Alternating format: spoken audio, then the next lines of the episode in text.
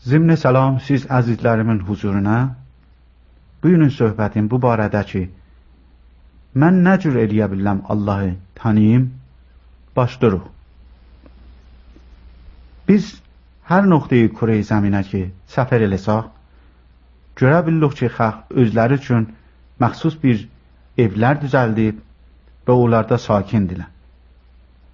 O yerlərdə ki, bəşər sakin olubdur, ayrı bir saxtamanlar dairə eləyiblər ki, onlarda öz Allahlarını ibadət edirlər.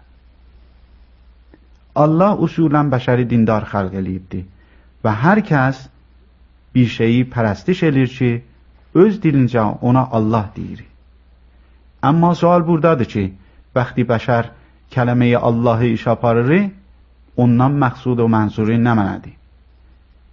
Əgər onlardan bir soruşaq ki, Allahın mənası nə mənədir? Şayət bir milyon cavabهای müxtəlifə biz bərxurd eləyək.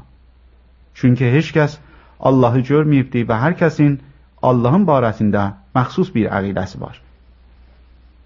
Biz Tevratda oxuyuruq ki, vəxti Musa Sina dağında həqiqi Allahın huzurunda idi, qovmi Yahud həmin dağın əşasında bir öküzü qızıldan tökdülər mücəssəməsin və onu pərəstiş elədilər, dedilər, bu həman Allahdır ki, bizi Misrilərin isarətindən qurtardı.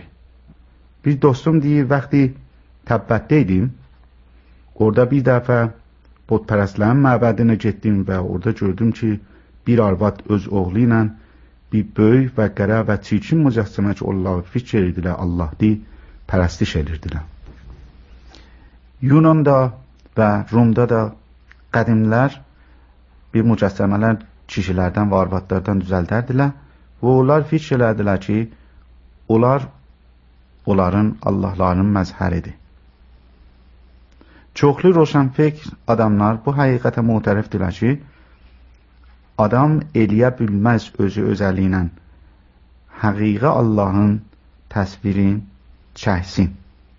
Bəli, həmin bu adamlar öz xiyallarında müxtəlif təsvirlər Allahdan düzəldirlər. Bəziləri təsəvvür eləyiblər ki, Xuday Mütəal saat saat kimindiki saati düzəldir, onu qurur, ondan sonra o saat özünə görə, bedun inki saatsaz onun işində dixalət ediyə, əbəd dəhrəcan işlir.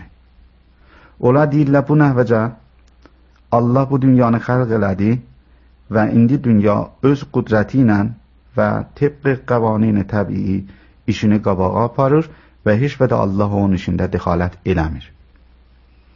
Ayrıları deyirlər ki, xeyr, necə ki ruh bədəndə vücud vardır, həmin nə Allah ruh kimin dünyayı maddiyatda sakindir.